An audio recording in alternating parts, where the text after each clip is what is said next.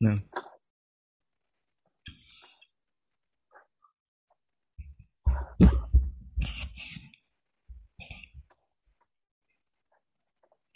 Nah. Assalamualaikum warahmatullahi wabarakatuh. Alhamdulillahi rabbil alamin wassalatu wassalamu ala asyrafil mursalin nabiyina wa maulana Muhammadin wa ala alihi wa sahbihi ajma'in. وأشهد أن لا إله إلا الله وحده لا شريك له وأشهد أن محمدا عبده ورسوله صلوات ربي وسلام عليه وعلى آله وأصحابه ومن سار على نهجه واستنى بسنته إلى يوم الدين Alhamdulillah, puji syukur kita haturkan kehadirat Allah Azza wa Jalla di kesempatan malam hari ini untuk waktu Yogyakarta dan sekitarnya, dan pagi hari untuk waktu London dan sekitarnya kita bisa belajar bersama. Semoga Allah Subhanahu wa taala memberkahi pertemuan kita dan menjadikan apa yang kita pelajari sebagai ilmu yang bermanfaat. Allahumma anfa'na bima 'allamtana wa 'allimna ma yanfa'una warzuqna ilma. Dan insya Allah di kesempatan kali ini, sebagaimana lanjutan untuk kajian sebelumnya, kita akan membahas tentang aturan al-imamah. Al-imamah yang kita maksud adalah aturan jadi imam. Dan pada pertemuan sebelumnya telah kita sampaikan terkait uh, siapakah yang paling berhak untuk jadi imam. Dan Nabi Shallallahu Alaihi Wasallam menyebutkan urutan-urutannya. Orang yang paling berhak jadi imam sampai urutan yang terakhir adalah dalam masalah usia. Berikutnya kita akan membahas tentang man tahrumu imamatuhu.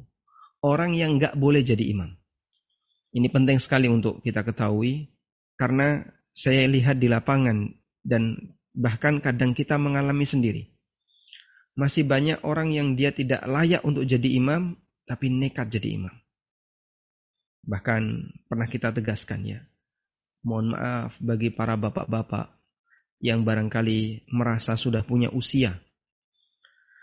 Artinya dia senior dari sisi usia. Tapi junior dalam masalah bacaan Al-Quran. Ketika membaca Al-Fatihah belepotan.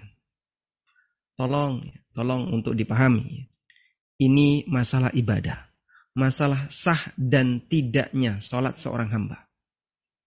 Sehingga kalau ada orang yang dia junior dalam masalah bacaan Al-Quran, dia nggak bisa membaca Al-Fatihah dengan benar, tapi memaksakan diri untuk jadi imam, kasihan makmum yang bisa jadi ada di antara mereka yang lebih senior dari imamnya dalam masalah bacaan Al-Fatihah.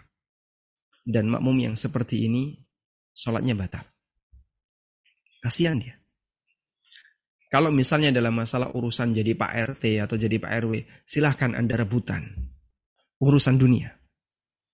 Tapi kalau urusan sah dan tidaknya ibadah seorang hamba, ini ada aturannya. Jadi imam itu ada aturannya.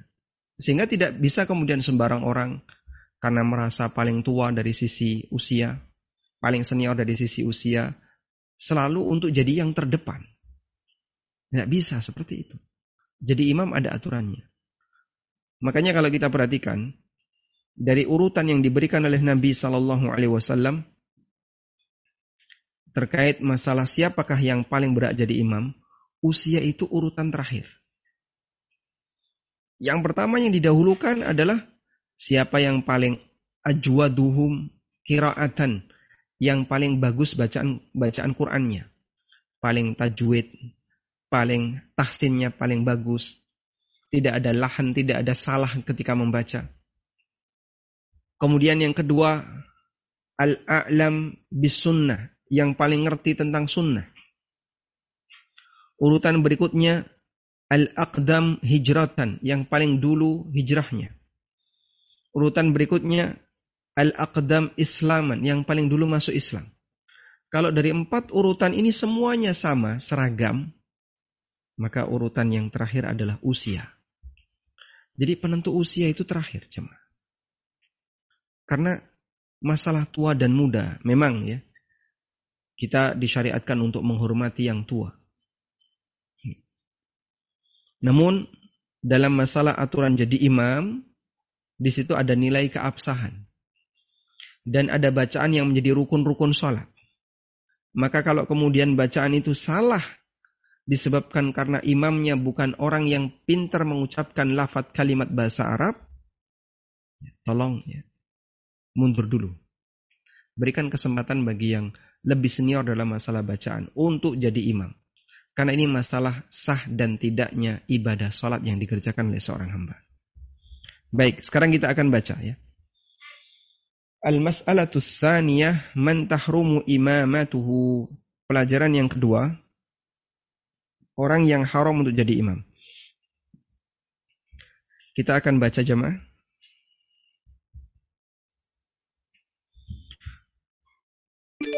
Tahrumul imamatu fil halati fil ah fil halatil atiyah. Ada beberapa orang yang dia haram untuk jadi imam pada kondisi berikut. Yang pertama, imamatul mar'ati birrajul. Wanita jadi imam bagi lelaki. Ini tidak boleh. Dan sholatnya bisa tidak sah. Ketika ada seorang wanita yang jadi imam bagi lelaki, sholatnya tidak sah. Nabi Shallallahu Alaihi Wasallam pernah bersabda, "La yufliha qaumun amrahum imra'atan." Sekelompok kaum tidak akan beruntung, tidak akan menang, tidak akan jaya kalau mereka menyerahkan urusan mereka kepada wanita. Hadis ini kita coba baca diriwayatkan oleh Bukhari dari sahabat Abu Bakrah dari sahabat Abu Bakrah. Dan sahabat Abu Bakrah, perawi hadis ini, itu pernah diajak oleh teman-temannya untuk bergabung dengan barisan Zubair bin Awam, Tolha bin Ubaidillah, dan Aisyah radhiyallahu anha menuju daerah Kufa dalam rangka untuk mengeksekusi pembunuhnya Utsman bin Affan. Tapi karena pemimpin safar ketika itu, ekspedisi ini adalah Aisyah radhiyallahu anha, Abu Bakar teringat sabda Nabi sallallahu alaihi wasallam. Qaumun wallau amrahum imra'atan. Sekelompok kaum tidak akan jaya kalau dia menyerahkan urusannya kepada wanita. Termasuk juga dalam masalah sholat. Sehingga yang harus jadi imam adalah lelaki. Akhirnya Abu Bakar tidak mau ikut karena yang jadi pemimpin ketika itu adalah seorang wanita. Padahal pemimpinnya adalah ibunda Aisyah radhiyallahu anha yang tentu saja tidak bisa dibandingkan dengan wanita, wanita siapa pun di zaman ini di dunia ini. Untuk saat ini. Jelas beliau jauh lebih istimewa dan lebih mulia dibandingkan bahkan tidak hanya dibandingkan wanita di hadapan lelaki di zaman ini. Tapi Nabi Wasallam mensabdakan seperti ini sehingga Abu Bakar tidak mau ikut. Selain itu, wali annal asla ta'akhuruha fi akhiris sufuf. Selain itu, hukum asalnya wanita itu berada di belakang. Sianatan laha wasitran agar lebih menutupi mereka. Lebih tidak kelihatan dan seterusnya. Falau quddimat lil imamati la asbaha dhalika mukhalifan li hadzal asl. Kalau mereka ditaruh di depan, maka berarti bertolak belakang dengan prinsip yang diajarkan Nabi SAW. Wanita itu softnya di belakang. Baik. Insya Allah kita bisa memahami ya. Dan saya kira tidak ada ibu-ibu yang protes. Gara-gara diimami oleh lelaki yang jauh lebih muda dibandingkan dirinya. Gara-gara diimami oleh lelaki yang jauh lebih muda dibandingkan dirinya mungkin seusia anaknya. Dan juga tidak ada wanita yang protes ketika dia seorang hafizah, hafal Quran. Lalu diimami oleh laki-laki, beliau hafizah, hafal Quran, punya status sosial, bunyai kalau di masyarakat kita. Istrinya seorang ulama, seorang tokoh agama, hafizah, sudah senior berumur, tapi yang jadi imam muridnya dari suaminya mungkin yang jauh lebih junior baik dari sisi usia maupun dari sisi ilmu. Tapi kenapa tidak protes? karena mereka tahu ya, wanita tidak boleh jadi imam bagi lelaki. Sehingga mereka nggak protes. Baik, maksud saya begini. Jadikan prinsip ini berlaku juga untuk orang yang nggak bisa baca Quran. Tolong jangan protes kalau Anda jadi makmum. Berikan kesempatan bagi yang masih muda yang bisa baca Quran dengan benar. Karena ini masalah keabsahan. Yang kedua adalah imamatul muhdith. Orang yang berhadas jadi imam. Waman alaihi najasa atau orang yang membawa najis. Sementara dia tahu kalau dia membawa najis. Kalau dia nggak tahu bidzalika, kalau dia tidak tahu, demikian pula makmum juga nggak tahu sampai sholatnya selesai, fasalatuhum sahihatun, sholatnya sah. Salatuhum sahihah, sholatnya sah. Baik. Dan ada riwayat tentang ini yang cukup menarik untuk kita baca ya. Yaitu riwayat dari Umar bin Khattab radhiyallahu anhu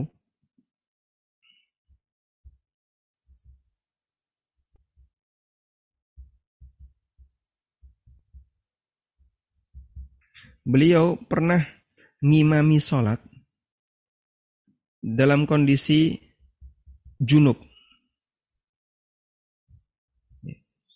Beliau pernah ngimami sholat dalam kondisi junub.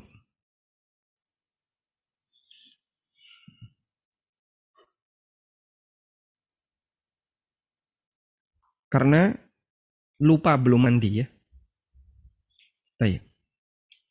Saya bacakan riwayatnya. Ini riwayatnya.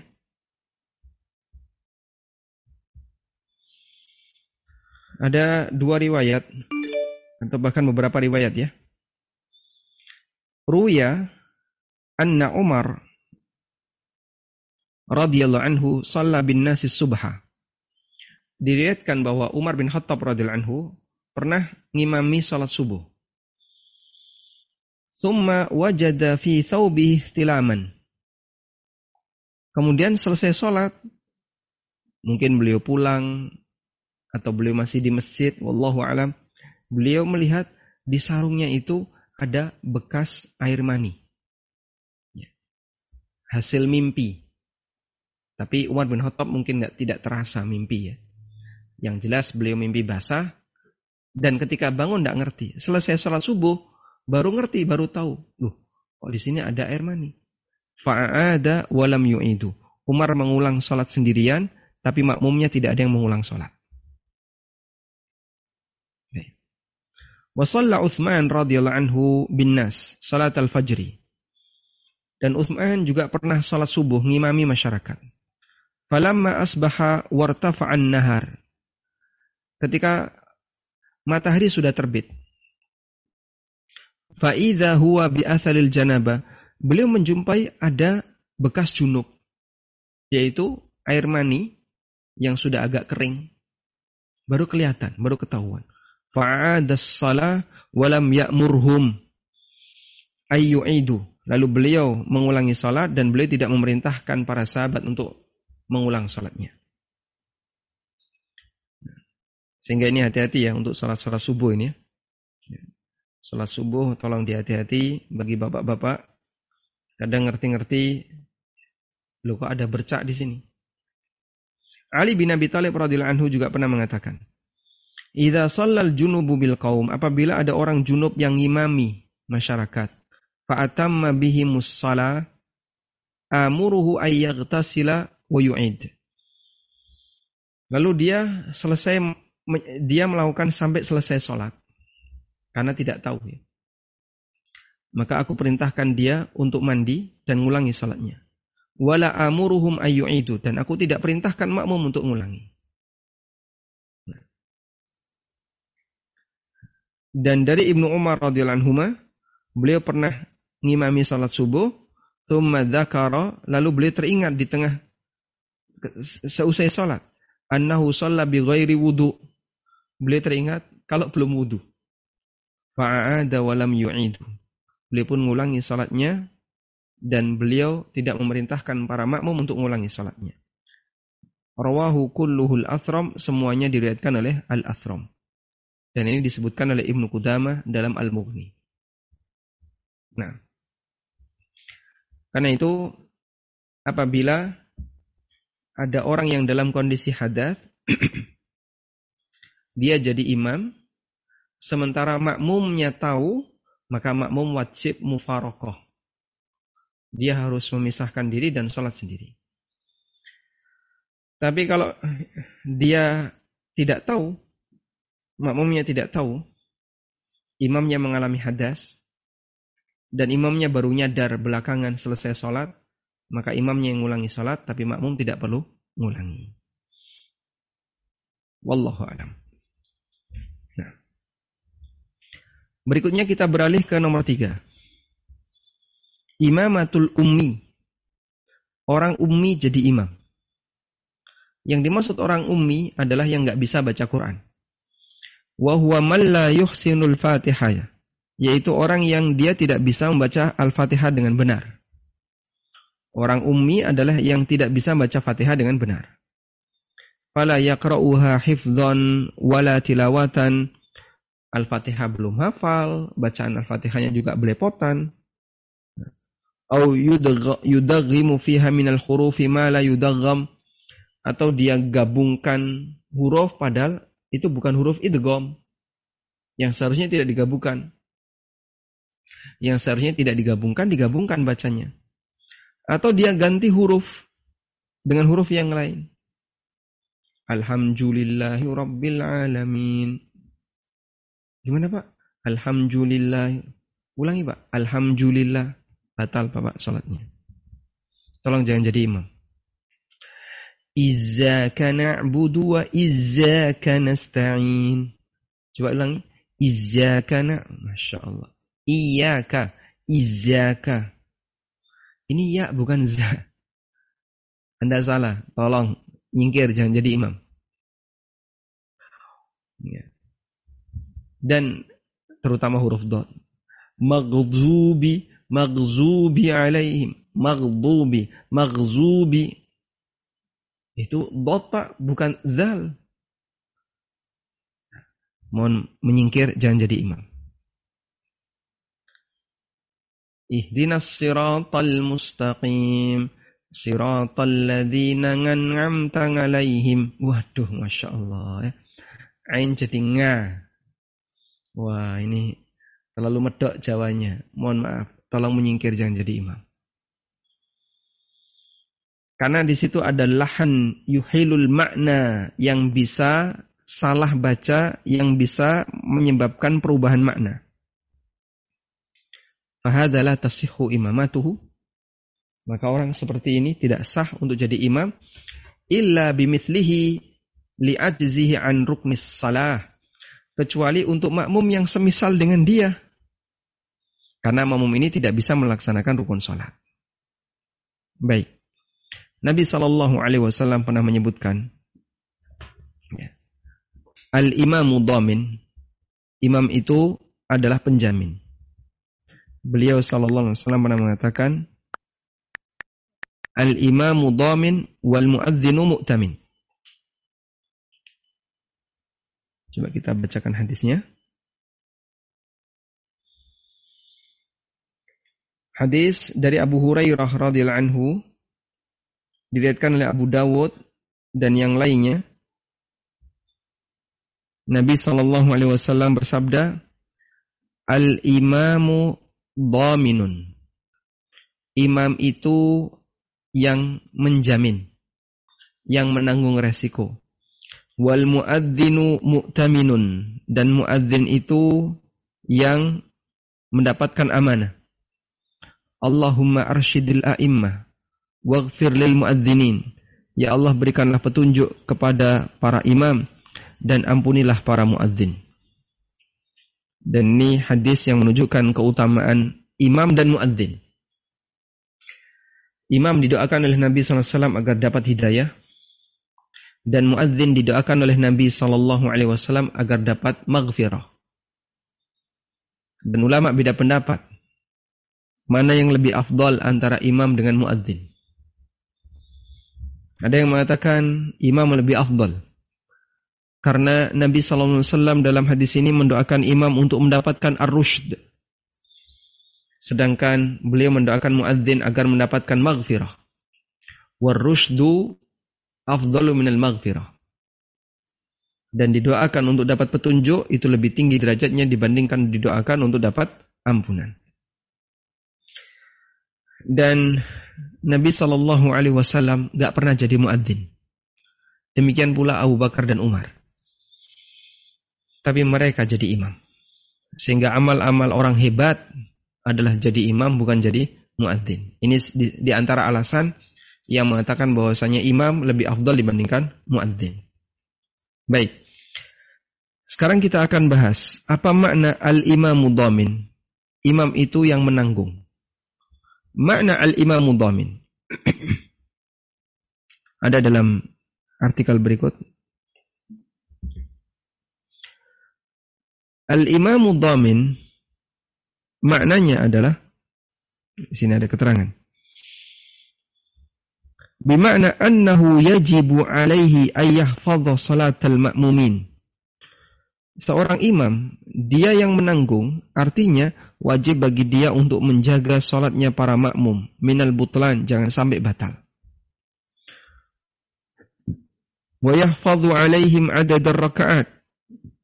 Menjaga jumlah rakaat salat mereka wala yanquru bihimus salah nakran mukhillan bil arkan. Jangan terlalu cepat ketika sholat sampai menyebabkan rukunnya jadi hilang.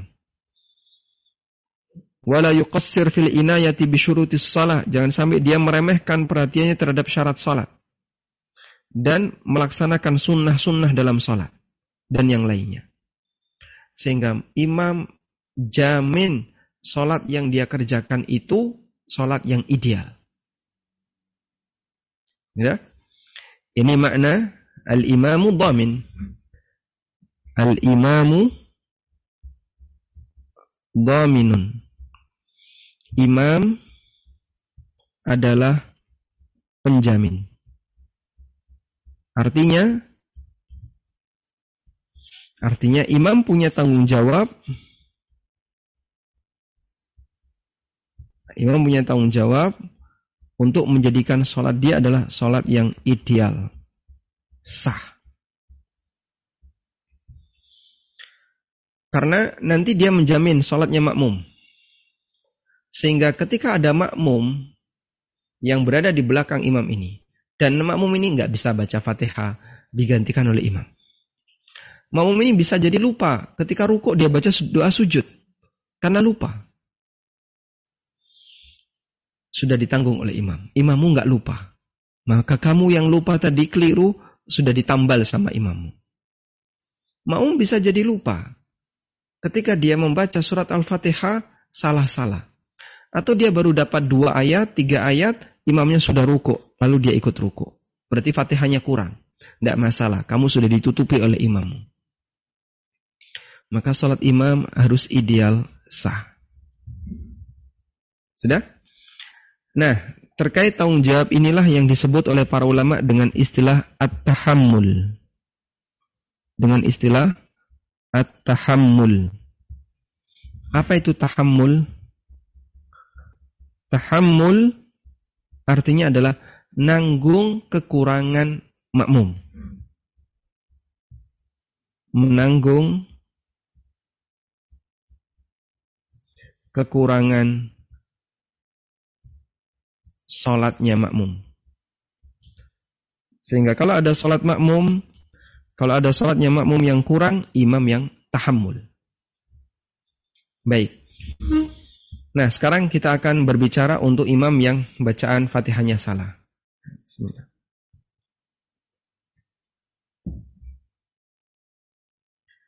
Nah, kita akan baca tentang masalah lahan tadi ya.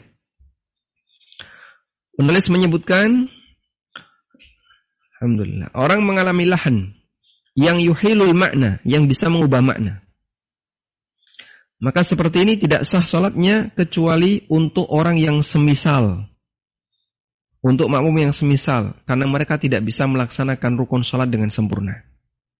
Baik. Jadi salah baca Quran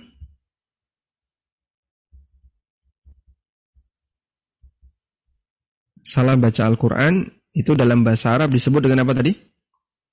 Lahan. Salah membaca Al-Quran dalam bahasa Arab disebut dengan al-lahan. Tulisannya kayak gini ya. Lahnun. Baik. Disebut dengan lahan. Dan lahan itu ada dua.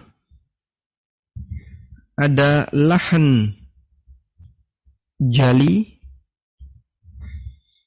Ada lahan khafi. Lahan jali itu apa? Lahan yang mengubah makna. Salah yang sampai mengubah makna bacaan. Alhamdulillahi Alamin. Tolong Pak ulangi. Alhamdulillah. Alhamdu. Alhamzu. Pak, ini huruf dal bukan za. Gak bisa ya mas. Ya sudah. Berarti Anda belum saatnya jadi imam. Anda harus latihan mengucapkan huruf dal. Alhamdulillah. Ya. Izzaka na'budu wa izzaka nasta'in. Iyaka. Izzaka. Iyaka. Izzaka. Oh, mohon maaf, salah ya. Ini lahan yang bisa mengubah makna. Karena dia mengubah apa? Mengubah, mengganti huruf. Dia mengganti huruf.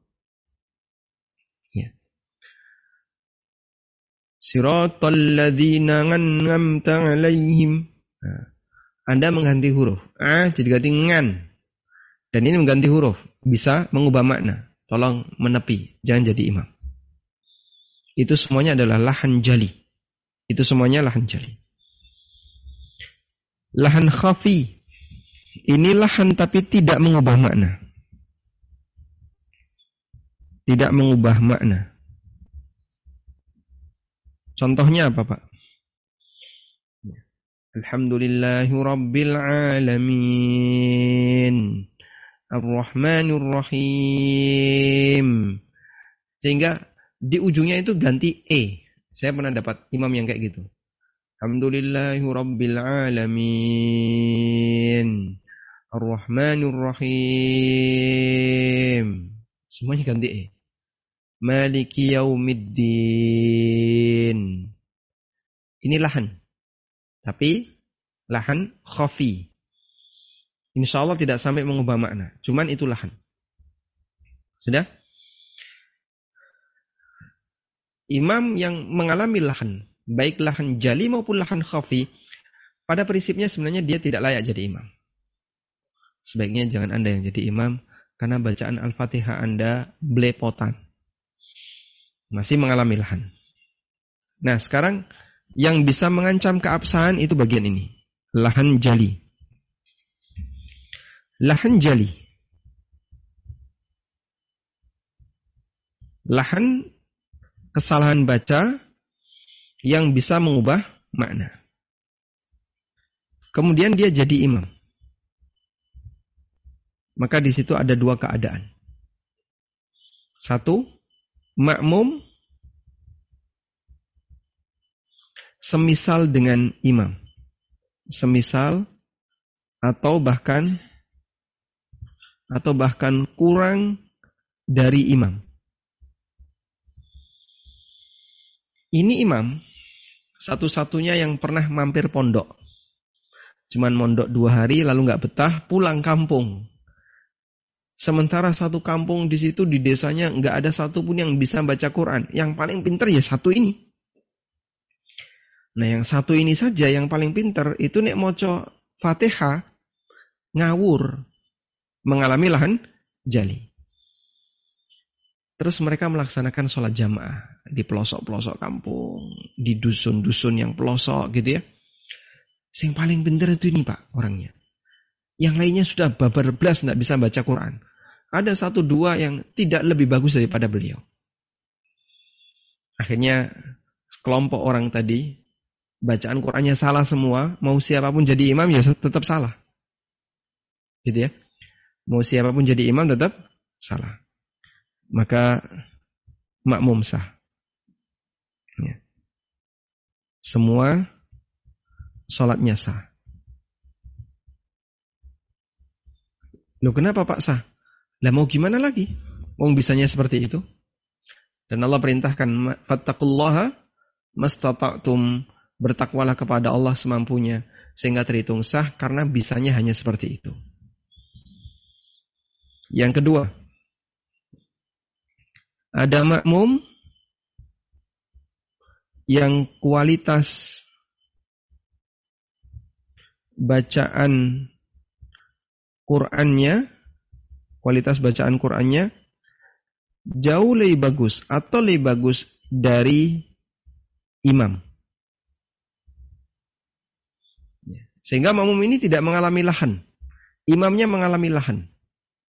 Makmum ini kualitas bacaannya tidak mengalami lahan sehingga dia lebih bagus daripada bacaan imam. Makmum dalam posisi ini maka makmum batal. Imamnya sah, tapi makmumnya bah, batal. Wah, masya Allah pak, kasihan makmumnya. Makanya, tolong yang jadi imam, yang nekat maju, Sementara dia tahu bacaan Qur'annya itu salah. Tolong kasihani makmumnya. Kasihani makmumnya. Ini bukan masalah senioritas. Ini masalah sah dan tidaknya sholat seorang hamba. Kalau anda yang nggak bisa baca fatihah tetap ngotot, kekeh, nekat jadi imam, kasihan makmumnya. Bisa jadi ada makmum yang bacaan Al-Qur'annya tidak mengalami lahan, kualitasnya lebih bagus dari imamnya. Baik. Ini kita bicara masalah lahan ya, bukan masalah lagu. Kalau imam tidak mengalami lahan, tapi lagunya mungkin kurang enak didengar. Ya. Ini imam apa tuh pak? Kok lagunya pakai lagu Mojopahit? Ya. Langgamnya langgam Jawa banget. Medok sekali. Tapi semua bacaannya benar, nggak ada yang salah. Tidak mengubah makna insya Allah tetap sah jadi imam dan tidak masalah jadi imam. Ya. Bapak Ibu bisa perhatikan ya, imam sholat subuh di Masjidil Haram. Coba nanti lihat rekamannya. Imam sholat subuh di Masjidil Haram. Itu Masya Allah. Selalu bacaannya datar kan.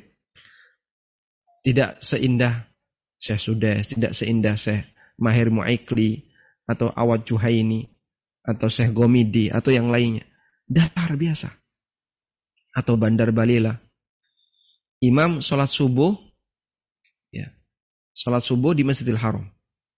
Pasti seperti itu. Ya. Pak Ustaz saya kok penasaran ya, mau lihat buktinya. Oh Masya Allah. Kalau Anda penasaran, mau lihat buktinya, ya, coba barangkali ada rekamannya ya.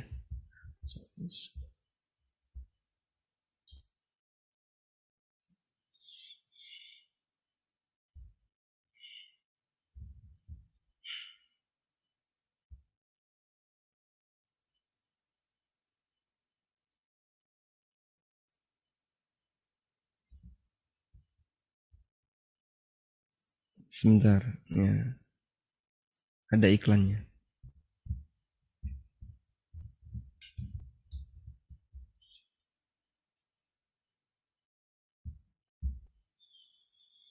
Semoga beliau ini. Saya saya tidak hafal uh, nama Syekh ini. Tapi selalu suaranya datar-datar saja. Ya. Sehingga mungkin dengan bacaan Al-Quran teman-teman yang yang hafid di Indonesia jauh lebih baik jauh, jauh lebih lebih tahsin ya. Dalam arti lagunya lebih enak didengar. Jadi beliau datar-datar saja. Afan ini kok loading terus jadi tadi. Hmm?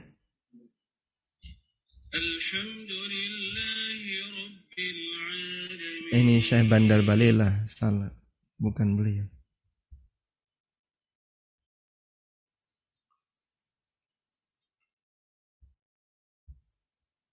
Sudah sepuh orangnya. Dan selesai jadi imam, beliau langsung isi kajian.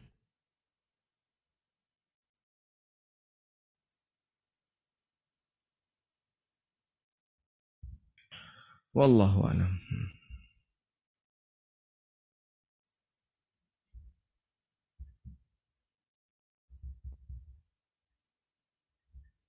Datar bacaannya.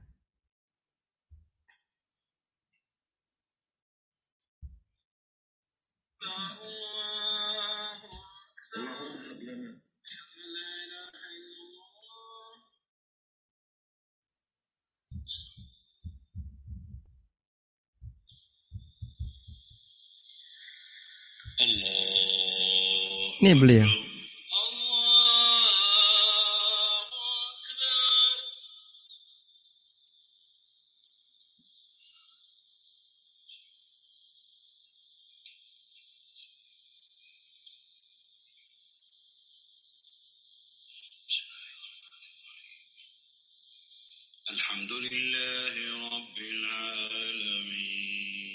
Imam Masjidil Haram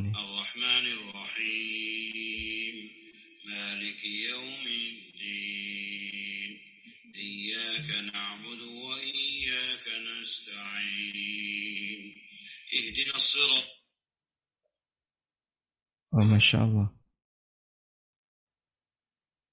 Saya terpental dari dari Zoom. Jadi suaranya biasa ya. Beliau sudah sepuh, selesai jadi imam, beliau langsung ngajar. Yang saya tahu. Coba saya masuk ulang.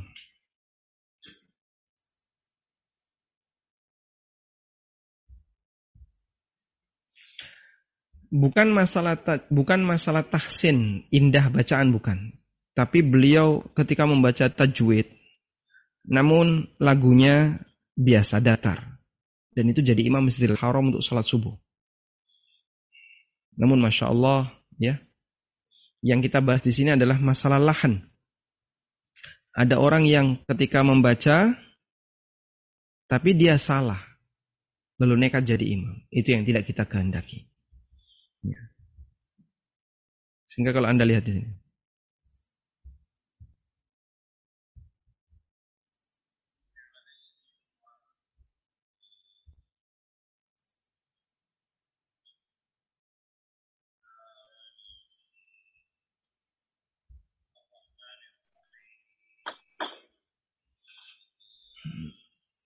Ya, jadi datar bacaannya.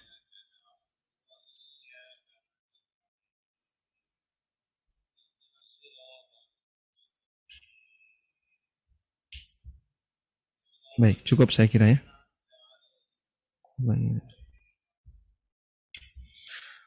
Nah. Selanjutnya, Bapak Ibu yang dimakan Allah Ta'ala, kembali ke sini tadi. Jadi, kenapa yang ini makmumnya sah?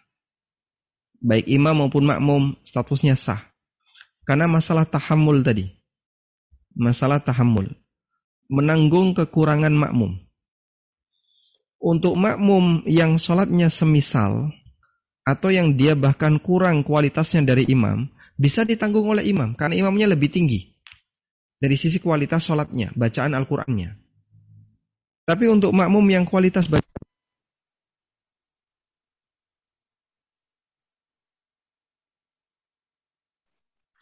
Uh, Afwan Ustaz, mikrofonnya kayaknya terlepas.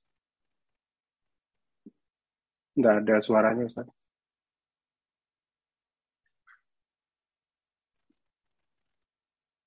Afan, AMB, kru, mikrofon Ustaz kayaknya putusin.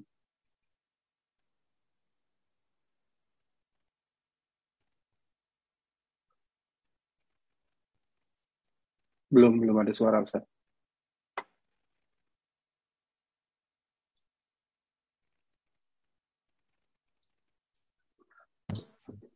Ya, belum uh, ada suaranya. Ya. Di sini mat. Oh, echo.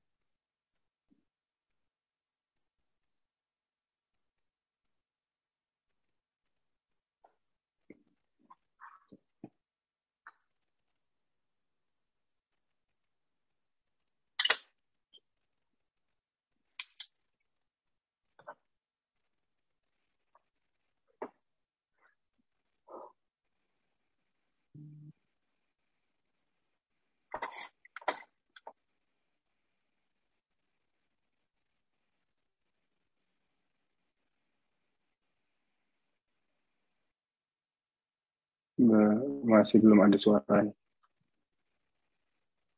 Bismillah wassalatu wassalamu ala rasulullah. Ada ah. suaranya Pak? Ada, ada. Alhamdulillah. Sudah keluar. Baik. Baik. Kita di sini posisinya mati lampu Pak ya. Listrik oh, mati ini. Oh, Baik. Ini Bisa. tapi masih bertahan untuk UPS. Wallahu alam sampai berapa menit? Sampai kapan? Oh, masya Allah. Oke, okay. ya, ya, benar. Baik, insya Allah coba kita lanjutkan ya. Baik. Baik. Kita lanjutkan. Berikutnya yang keempat adalah imamatul fasik. Al-mubtadi. Orang fasik dan ahli bid'ah jadi imam la tasihhu salatu khalfahu idza kana fisquhu zahiran.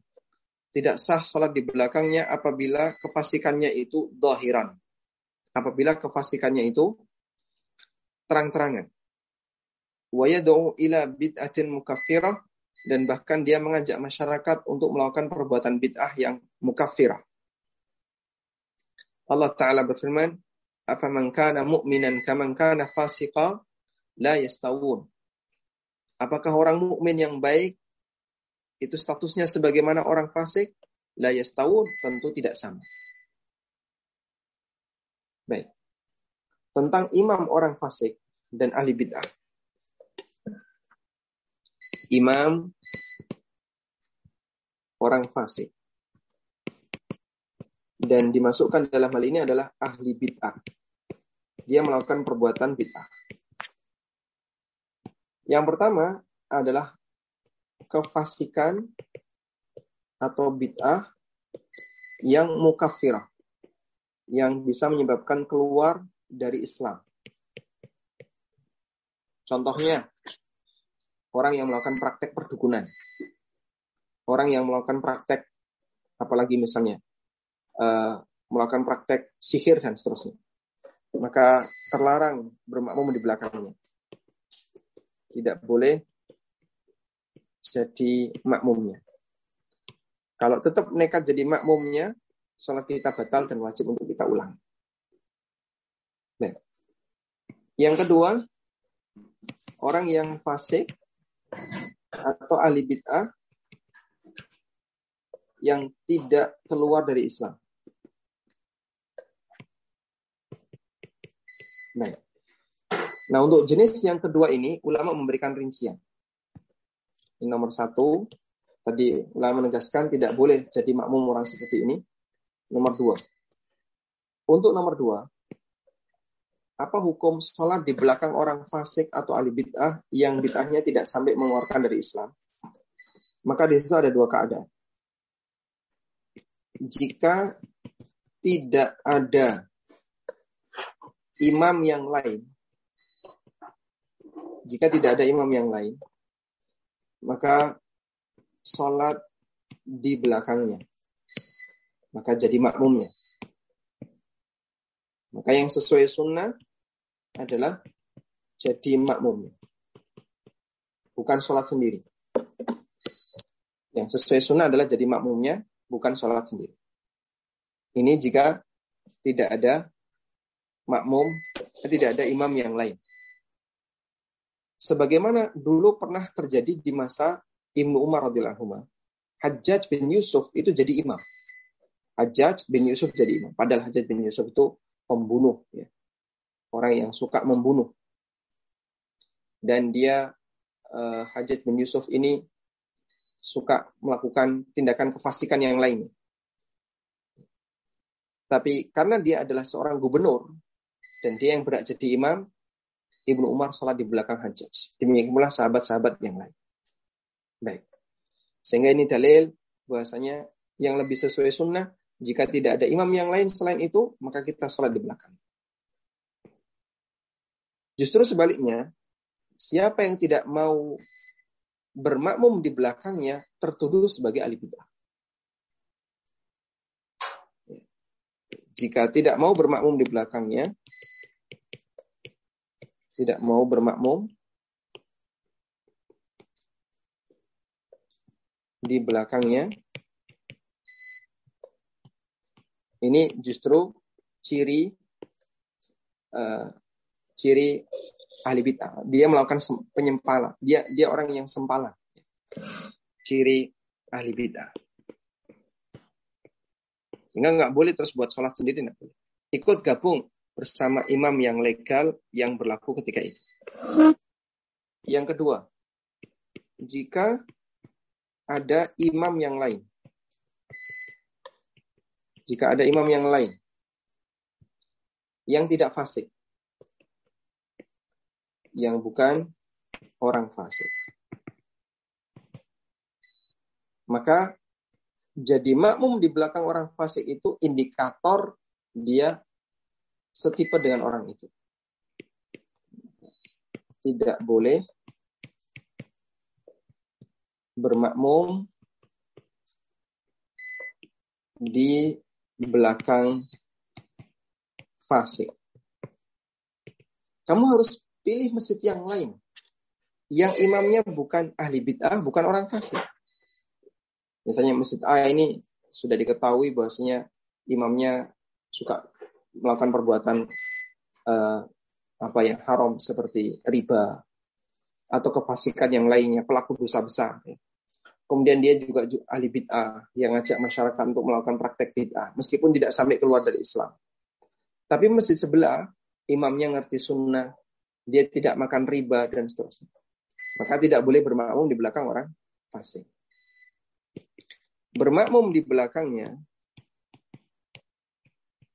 bermakmum kepadanya, ini indikator dia setipe dengan imam. Oh, karena kamu sepemahaman dengan imam kamu, makanya kamu mengikuti imam seperti itu. Sehingga seharusnya dia menghindar dan mencari masjid yang lain yang lebih bersih dari imam yang seperti itu. Wallahu alam. Ini rincian yang kami pahami terkait posisi imam fasik atau ahli bid'ah. Selanjutnya, al-ajiz anir ruku'i was sujudi wal qiyam wal qu'ud fala tasihhu imamatuhu liman huwa aqdaru minhu ala hadhil umur. Orang yang tidak bisa ruku dengan sempurna, nggak bisa sujud, nggak bisa berdiri, nggak bisa duduk. Maka tidak sah untuk jadi imam, sementara makmumnya lebih mampu untuk melakukan itu semuanya. Makmumnya lebih mampu untuk melakukan itu semuanya. Baik. Namun yang kelima ini kita berikan catatannya.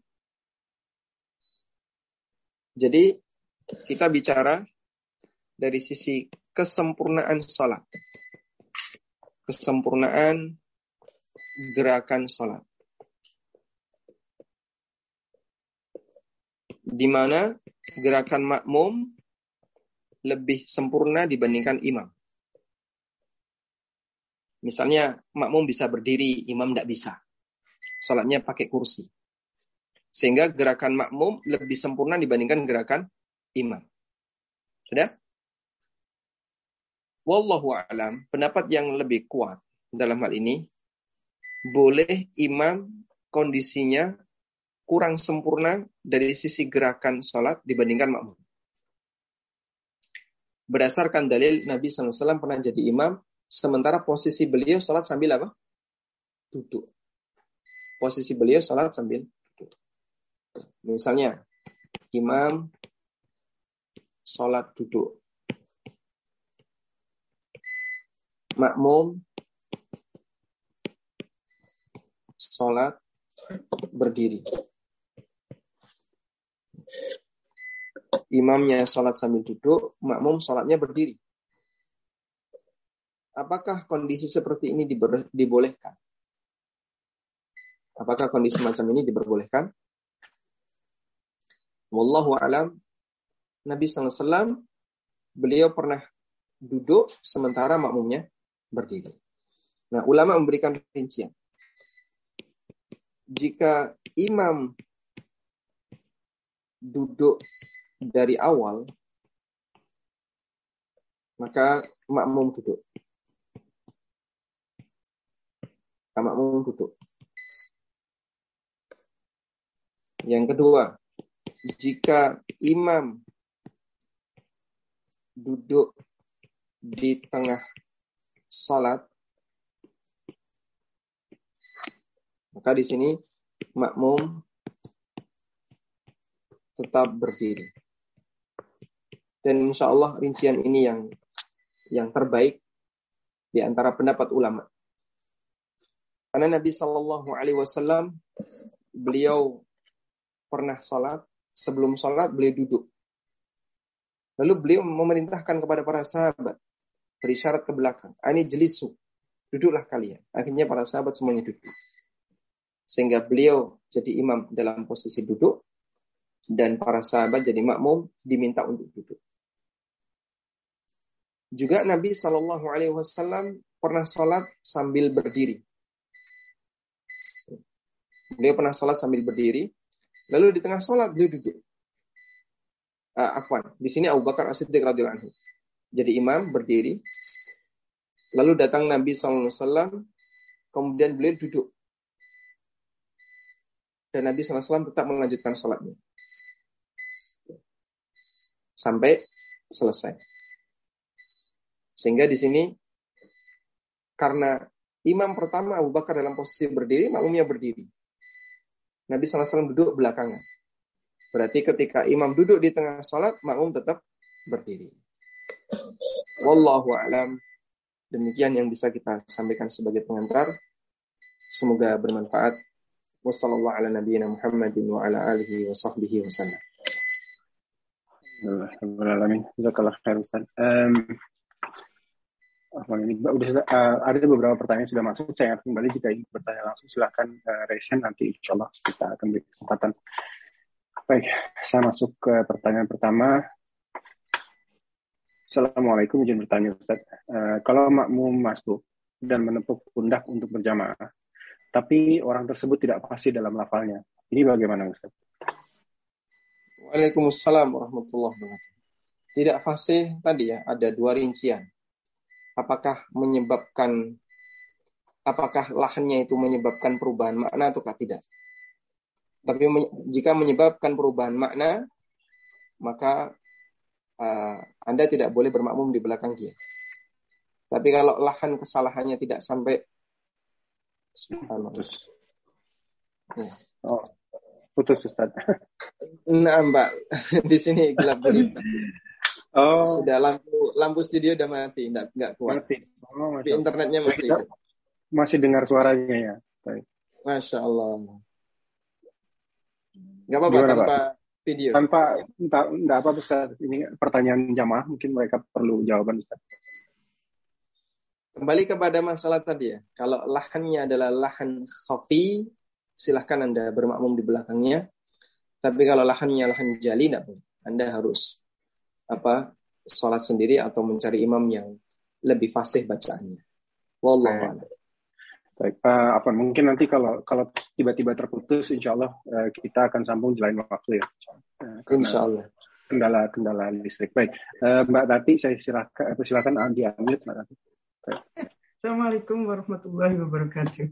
Waalaikumsalam warahmatullahi wabarakatuh. Ini ini sering terjadi di sini. Uh, kita sering ke tempat uh, keluarga yang lain dan ibu-ibu ini pintar, baca Qurannya sudah cukup pintar, tapi punya anak yang sudah baru teenagers begitu ya, mungkin 13, 14 sudah balik. Ya anak umur sekian ini kan ya masih senang musik, masih senang kadang-kadang lupa sholatnya.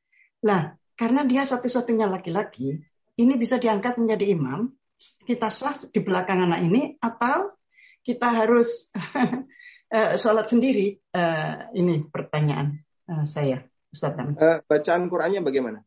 Uh, lumayan, tapi ya memang tidak keterlaluan baik. Ibu-ibu uh, di belakangnya ini masih jauh lebih baik bacaannya daripada uh, imamnya ini, anak ini.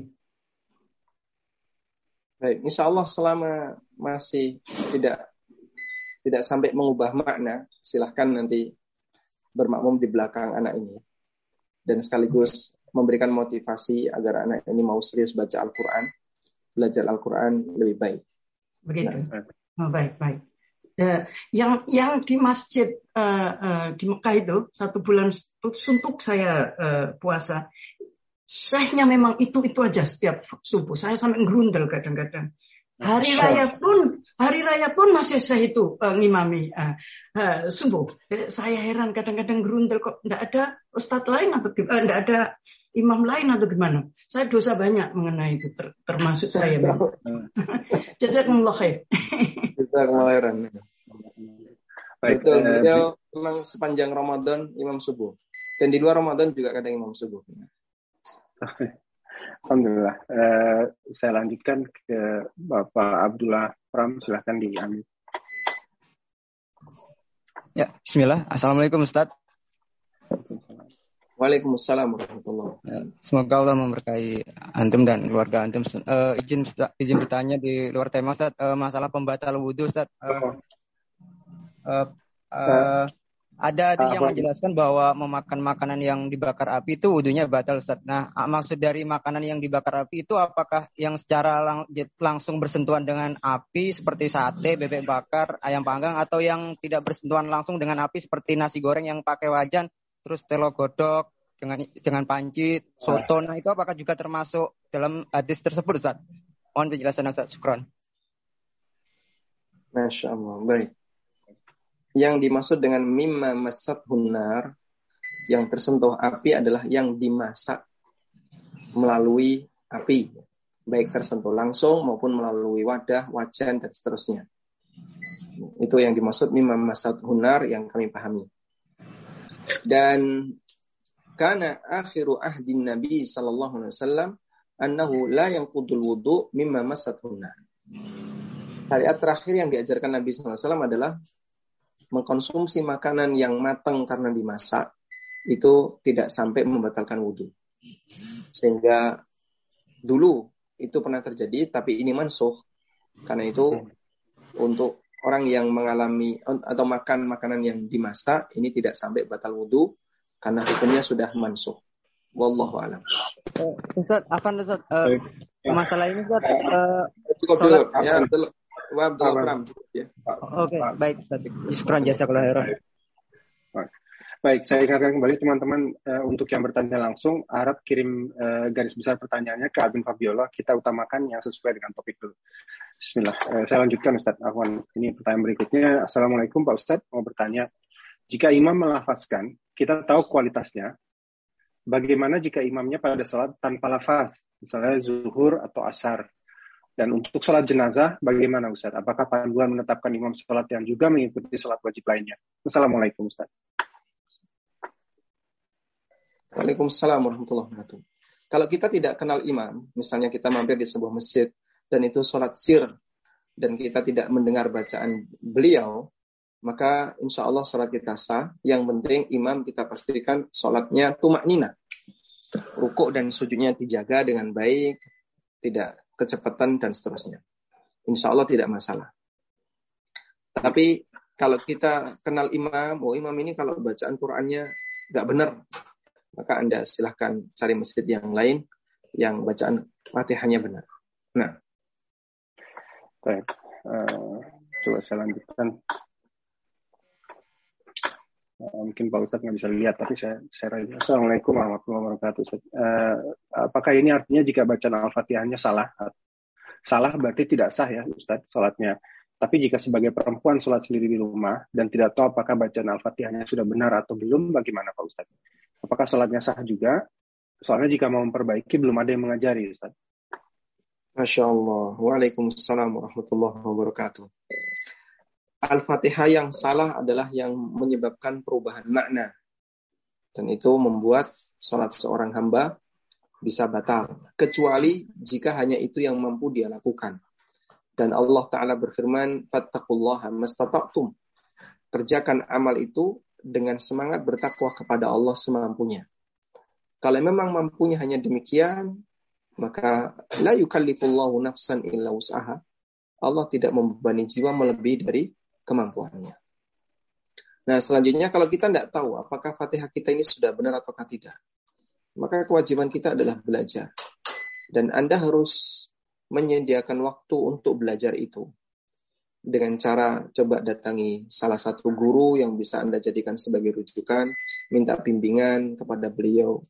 tolong cek bacaan Al-Fatihah saya apakah sudah benar atau tidak. Kalau benar, alhamdulillah silahkan dilanjut. Nah, baik. Um, baik. Saya uh, uh, apa ini ada penanya gua Gias, tolong kirim message ke admin Fabiola uh, garis besar pertanyaan untuk lebih memudahkan. Uh, baik, sebelum sana, Assalamualaikum Ustaz. Bagaimana jika di satu keluarga semua anaknya perempuan? yang mana anak-anak perempuannya itu belajar tahsin dan tajwid dan bacanya lebih bagus dari bapaknya. Namun karena bapak satu-satunya laki-laki di keluarga, jadi bapak yang menjadi imam. Seperti saat lockdown kemarin kan sholat satu sampai taraweh dilaksanakan di rumah.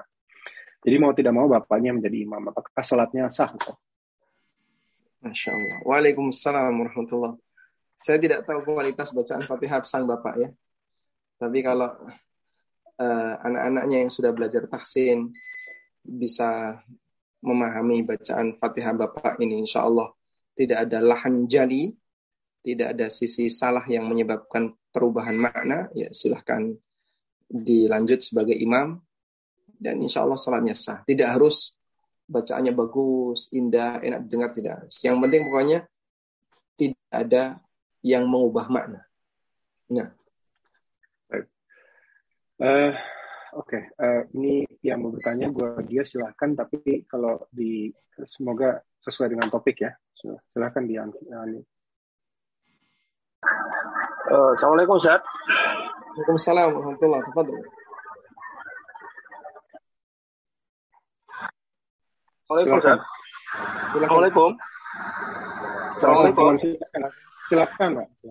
Uh, dalam pelaksanaan sholat maghrib, Ustaz, kalau seandainya imamnya fatihahnya lahan jali, apakah lebih bagus kita tuh sholat sendiri? Nah, terputus. Mungkin maksudnya apakah lebih bagus sholat sendiri mungkin ya?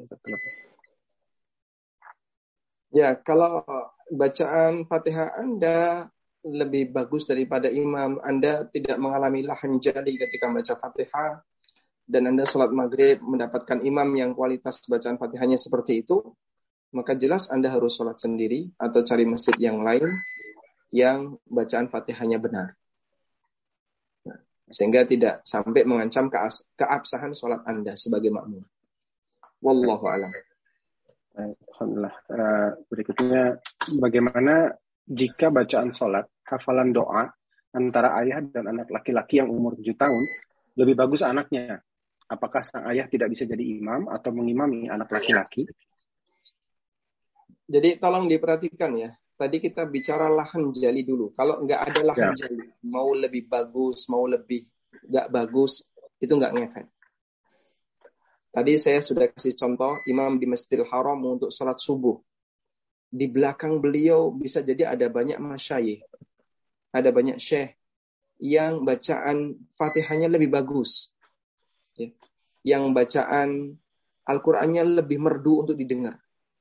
Karena setiap setiap imam di Masjidil Haram maupun di Masjid Nabawi itu pasti bawa tim. Satu tim di belakang imam itu ada yang bertugas sebagai Al-Fatih. Apa itu Al-Fatih? Yang dia bertugas untuk membenarkan bacaan imam jika imamnya salah. Namanya Al-Fatih. Nah, karena itu bisa jadi di belakang syekh tadi ada banyak orang yang bacaan imam bacaan Qur'annya lebih merdu, lebih enak didengar. Tapi karena hmm. tidak ada menjali sholat para makmum sah, bahkan tentu saja untuk jadi imam Masjidil Haram tidak mungkin ada sisi salahnya yang menyebabkan batal sholatnya. Wallahu a'lam. Baik, uh, eh, 13.52 mungkin masih ada waktu ya beberapa menit. Silakan. Uh, ini pertama berikutnya, jika seseorang bekerja di salah satu kantor dan pemimpin, maksudnya pemimpin kantor tersebut ya, ditunjuk atau diminta menjadi imam, sementara bacaannya kurang baik atau ada lahan uh, jali tadi ya, dan posisi kita tidak dalam posisi bisa memperbaiki atau menegur. Bagaimana sikap kita? Apakah kita menunggu sampai jamaah selesai lalu kita sholat sendiri atau bagaimana? Ya, uh, bacaannya kurang baik. Nah, apakah kurang baiknya ini sampai ada sisi perubahan makna ataukah tidak?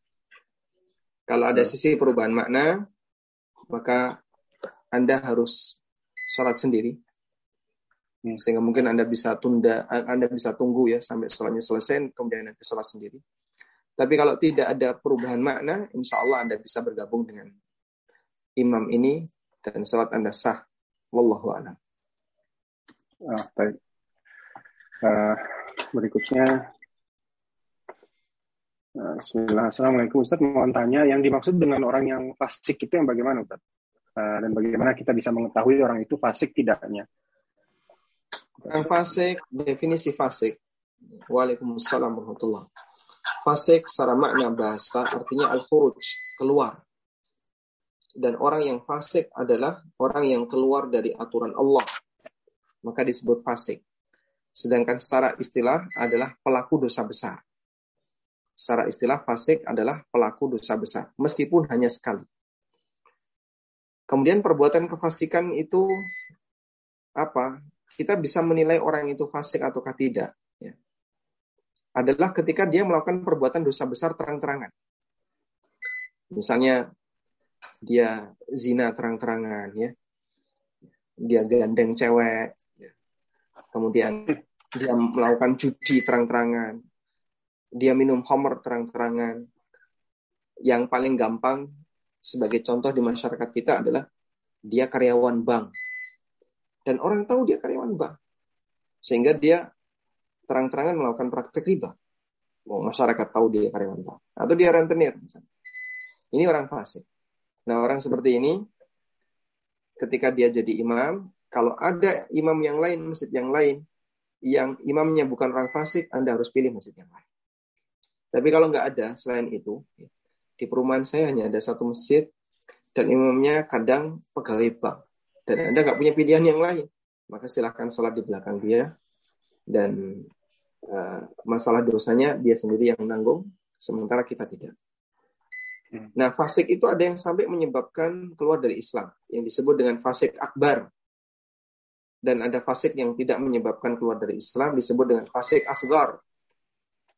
Fasik akbar contohnya sihir, perdukunan, santet, klonik, dan seterusnya. Fasik asgor adalah perbuatan dosa besar yang tidak menyebabkan pelakunya keluar dari Islam. Nah, untuk fasik akbar kita tidak boleh jadi makmumnya sama sekali. Wallahu a'lam. Uh, berikutnya ini pertanyaan saya jam. Assalamualaikum, izin bertanya Pak Ustadz, kalau imam berkali-kali salah bacaan panjang dan pendek dan kurang hafal surahnya, uh, sholatnya sahkah dan sudah dibenarkan besoknya begitu lagi dan kayak tidak ada perbaikan? Bagaimana? Waalaikumsalam warahmatullah. Ini untuk bacaan Al-Quran selain Fatihah. Kelihatannya tidak di, tidak dijelaskan sih, kelihatannya. Kalau Fatihahnya mungkin bisa mengubah makna ya, panjang pendeknya geser. Tapi kalau selain Fatihah, selain Fatihah kalaupun salah, ada keterangan dari Imam Syafi'i, ya anggap saja dia nggak baca. Dan bacaan selain Al-Fatihah kalaupun tidak dibaca, tidak menyebabkan sholatnya batal karena ini statusnya bacaan sunnah. Wallahu a'lam. Uh, ini ada pertanyaan uh, dua dua penanya, namun pertanyaannya mirip ini Ustaz masih dalam uh, masalah lahan lahan jali ya. Uh, Assalamualaikum warahmatullahi wabarakatuh Ustaz. Semoga Allah senantiasa merahmati Ustaz. Nama anak Akso dari Depok. Afwan mau bertanya, bagaimana kalau bepergian pas waktu sholat mendapati masjid dan bermakmum yang ternyata badan imamnya lahan yang berubah makna? apakah sholatnya tidak sah dan harus mengulang sholatnya? Sukron. Pertanyaan kedua, Assalamualaikum warahmatullahi wabarakatuh. Izin bertanya, dengan sholat Jumat, imamnya Fatihah Lanjali. Dan tidak ada pilihan lain untuk sholat. Bagaimana Ustaz? Waalaikumsalam warahmatullahi wabarakatuh. Kalau Anda mendapatkan imam seperti ini, dan Anda bisa mufarokoh, maka silahkan mufarokoh. Mufarokoh itu memisahkan diri dari jamaah misalnya Anda batal, lalu Anda ke tempat wudhu, ya, ke toilet, buang air kecil atau apa, ya mungkin agak lama dikit sampai sholatnya selesai. Ah, putus. Kan geger di masyarakat, jika memang putus. Ah, ada, ada Ustaz. Ada, ada. Ada, suara. Ada. Suara ada, Pak? Ada, ada Ustaz. Terdengar. Alhamdulillah. Terdengar? Terdengar Ustaz, Alhamdulillah. Alhamdulillah. Jadi kalau menjumpai imam yang mengalami lahan jali seperti ini dan Anda bisa mufarokoh, silahkan mufarokoh. Dan hindari sebisa mungkin pemicu bikin geger di masyarakat ya. Yang bisa Anda lakukan adalah mungkin Anda bisa putus lalu ke toilet, buang air di situ, mungkin agak dikit lama, keluar wudhu, balik ke masjid. Ya, diperkirakan sholat sudah selesai. Selanjutnya silahkan sholat sendiri. Dan saya pernah mengalami imam seperti ini ketika Jumatan. Saya ulang sholat duhur. Karena hmm. dia bacaan sholat, bacaan fatihahnya salah. Dan beliau termasuk tokoh masyarakat di, di kampung itu. Saya ulang sholat duhur. Sehingga kalau Anda Jumatan, menjumpai imam seperti itu, nanti silahkan diulang jadi sholat duhur. Wallahu alam. Baik. Uh, apa saat ini udah jam 13.59, ada beberapa pertanyaan di luar topik. Boleh Kak Ustaz? Tafadol. Uh, baik, uh, Um Um Safia, silakan diambil. Singkat aja ya, insya Allah. Uh, Nam, syukran. Assalamualaikum warahmatullahi wabarakatuh, Ustaz. Waalaikumsalam warahmatullahi wabarakatuh. Oh, Ustaz Afwan, ini anak uh, pertanyaannya di luar tema Ustaz terkait uh, sholat tahiyatul masjid. Uh, jadi ketika misal uh, kita datang ke suatu masjid untuk menghadiri kajian, namun qadarullah telat datangnya. Nah, di mana kita tahu perkara wajib dan sunnah kan harus didahulukan yang wajib ya Ustaz ya. Nah, ketika ada uh, kajian seperti itu berarti kita uh, pas nyampe masjid langsung datang langsung nyimak kajian atau uh, sholat tahiyatul masjid dulu karena uh, ada satu hadis kan yang menekankan ketika datang ke masjid harus sholat dua rakaat dulu ya Ustaz ya. Jadi ketika posisi kayak gitu yang harus didahulukan yang mana ya Ustaz ya? Syukran jazakumullahu khairan. Ada satu hadis yang bisa kita jadikan sebagai acuan dalam hal ini. Nabi Shallallahu Alaihi Wasallam sedang menyampaikan khutbah Jumat Lalu datang seorang sahabat yang telat namanya Sulaik Al-Ghatfani. Begitu beliau masuk masjid langsung duduk. Ditanya oleh Nabi SAW, As-salaita, apakah kamu sudah salat? Jawab sahabat Sulaik, belum. Kemudian Nabi SAW mengatakan, Kum fasalli rak'ataini wal yatazawwas wal yatajawwas fihima. Kerjakan sholat dua rakaat dan jangan terlalu lama. Sehingga kalaupun kajian sudah mulai dan Anda baru datang, maka laksanakan sholat tahiyatul masjid. Karena tentu saja mendengarkan kajian tidak lebih wajib dibandingkan mendengarkan khutbah Jumat. Sehingga kalau khutbah Jumat saja kondisinya seperti ini, apalagi kajian yang statusnya di bawah khutbah Jumat. Wallahu a'lam. Baik, Alhamdulillah. Uh, Afwan Ustaz ini udah jam 9 malam. Ada beberapa pertanyaan lagi bagaimana Ustaz? Tafadhol. Nah, baik, alhamdulillah. Uh, ini yang sesuai dengan topik ada beberapa yang baru masuk. Bagaimana kaitannya dengan hadis yang uh, mengatakan apabila imam salah maka imam berdosa dan makmum berpahala? Ini pertanyaan. Allah Apakah uh, saya tidak tahu teks hadisnya? Coba nanti yang penanya bisa menyantumkan teks hadisnya biar bisa kita carikan status dan penjelasannya. Hadis Baik. dengan terjemahan seperti itu saya belum kebayang, belum kebayang teksnya. Baik. Baik, yang penanya silahkan dikirim uh, message-nya ke uh, admin Fabiola atau admin Poppy. Baik. Saya lanjutkan. Assalamualaikum Ustaz, mohon izin tanya, manakah yang didahulukan untuk memilih imam sholat?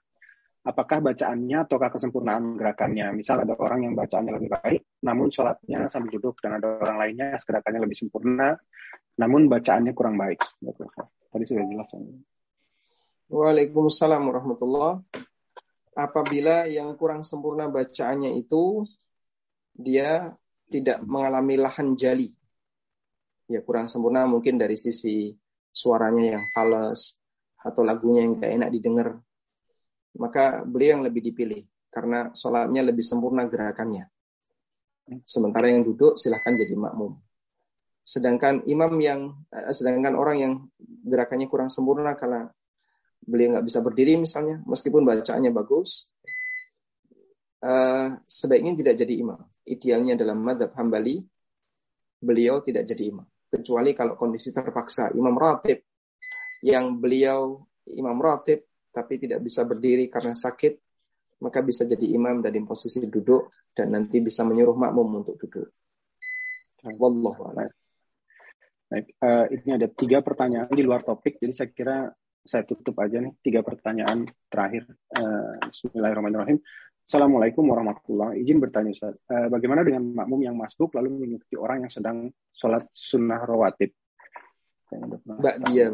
Waalaikumsalam warahmatullahi wabarakatuh adanya perbedaan niat antara imam dan makmum, pendapat yang kuat boleh, pendapat yang lebih kuat hukumnya boleh, ya, sehingga tidak masalah jika imamnya sholat. jika imamnya sholat sunnah, sementara makmumnya sholat wajib. Sebagaimana Mu'ad bin Jabal radhiyallahu anhu pernah mengulang pernah mengulang sholat di mana beliau sholat isya bersama Nabi SAW Lalu setelah itu beliau pulang dan jadi imam di kampungnya. Dan sholat yang kedua ini sholat isya juga, tapi statusnya sholat sunnah. Maka Mu'ad melakukan sholat sunnah, sementara makmumnya sholat wajib. Ada perbedaan niat dalam masalah ini. Wallahu a'lam. Baik, uh, berikutnya. Bismillah, Assalamualaikum Ustaz, izin bertanya, bolehkah kita mengeraskan bacaan sholat ketika sholat sunnah sendirian? Seperti sholat sunat duha dan qiyamul lail sendirian di rumah. Syukran. Waalaikumsalam warahmatullah. Secara umum untuk sholat malam maka bacaannya dikeraskan. Nabi saw pernah melewati Abu Bakar radhiyallahu anhu yang sedang sholat malam dan Abu Bakar suaranya pelan. Kemudian beliau melewati Umar yang sedang sholat malam dan Umar terlalu keras. Kemudian Nabi SAW mengatakan pada saat ketemu mereka berdua, Nabi SAW mengatakan kepada Abu Bakar, irfa min sautika syai'an. Kemudian beliau mengatakan kepada Umar, ikhfat min sautika syai'an. Wahai Abu Bakar, coba angkat sedikit bacaan Quranmu. Dan beliau mengatakan kepada Umar, turunkan dikit volume bacaan Quranmu. Sehingga jangan terlalu keras, tapi dibuat lebih lebih liris sedikit. Ini untuk qiyamul lail. Untuk sholat siang, sholat sunnah siang, pada asalnya dibaca dengan bacaan pelan dan tidak dikeraskan. Tapi jika ada uh, kondisi tertentu yang membuat kita perlu dikeraskan, misalnya dalam rangka untuk pendidikan anak, Anda menjadi imam untuk anak-anak yang sholat duha berjamaah, agar mereka bisa mendengarkan bacaan kita, maka sesekali waktu boleh dikeraskan. Atau dalam rangka untuk tadarus, sehingga Anda membaca sambil dikeraskan, Anda bisa mendengar ketika sholat duha. Insya Allah tidak masalah. Wallahu a'lam. Baik, Alhamdulillah. Uh, baik, saya kira tadi pertanyaan sudah habis untuk malam ini, Ustaz. Mungkin kita pandu untuk tutup. Baik, Alhamdulillah. Wassalatu wassalamu ala rasulillah. Demikian yang bisa kita sampaikan. Semoga Allah subhanahu wa ta'ala menerima amal kita dan menjadikan apa yang kita pelajari sebagai ilmu yang bermanfaat Wassallallahu ala nabiyyina Muhammadin wa ala alihi wa sahbihi wa sallam. Wa akhiru da'wana alhamdulillahi rabbil alamin. Subhanakallahumma wa bihamdika. Asyhadu an la ilaha illa anta astaghfiruka wa atubu ilaik. Wassalamualaikum warahmatullahi wabarakatuh. Waalaikumsalam warahmatullahi wabarakatuh. Jazakallah khair Ustaz. Uh, sangat bermanfaat. Ya, insya Allah kita akan bertemu kembali di kajian berikutnya. Dari kami, dari pengurus, kita mohon maaf jika ada kesalahan, kekurangan baik dalam sikap maupun perkataan. Barakallahu fiikum wabillahi taufiq wal hidayah. Wassalamualaikum warahmatullahi wabarakatuh. Waalaikumsalam warahmatullahi wabarakatuh. kami izin live dari meeting. Eh? Siap.